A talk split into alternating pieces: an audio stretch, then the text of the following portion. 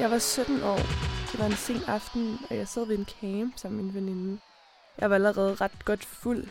Så fuld af jeg i hvert fald ikke kunne forstå, hvad ham ved siden af mig sagde. Eller så lyttede jeg bare ikke rigtig efter.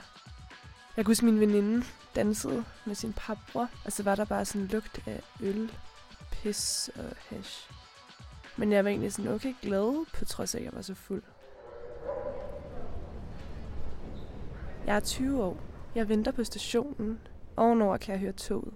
Jeg tror, Jonathan er her nu. Jeg skal nemlig på date med en dreng, som jeg har skrevet med en uges tid cirka. Og vores samtale på Tinder fungerer egentlig ret godt, så jeg ser frem til det.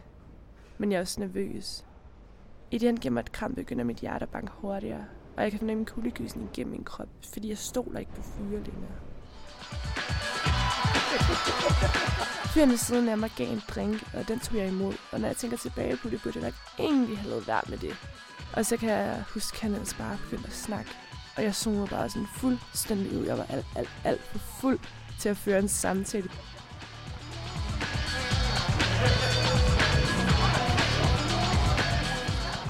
Vi sidder på byens lokale bodega.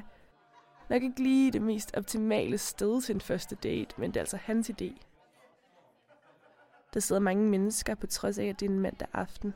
Folk ryger og er mega fulde, og alt i alt så er der bare sådan en mega god stemning. Vi krammer farvel, og jeg får ikke det her ubehag. Og det er faktisk ret uvandt for mig, men også ret rart.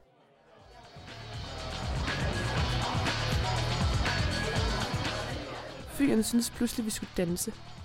Og så hævde han mig op af stolen. Han trak mig ind til sit bryst. Jeg tror, jeg synes, det var rart, fordi jeg var så svimmel, at jeg ikke kunne stå lige. Så han gav mig ligesom min balance sådan tilbage. Og så begyndte han at kysse mig.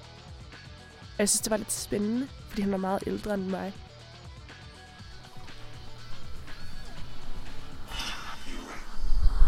Just Et par dage efter Oh, daten er jeg på besøg hos Jonathan. Vi spiser den morgenmad og ser et par film efter, og jeg lægger mig ind til hans bryst.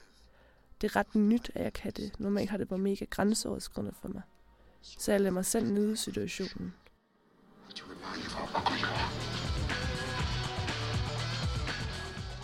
Han spurgte, om vi skulle gå en tur, og jeg gav ikke engang et svar, før han på en eller anden måde fik båret mig væk. Jeg tror måske, det var oven på hans ryg, og derefter er alt bare helt sort.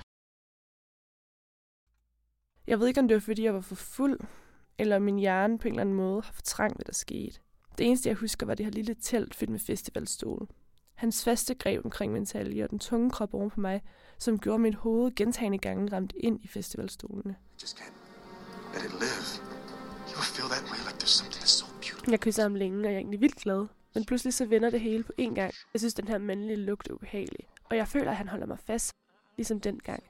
Jeg ser dengang som et filmklip i mit hoved, eller lidt ligesom et mareridt, hvor man vil gerne vågne, men man kan ikke slippe ud af det.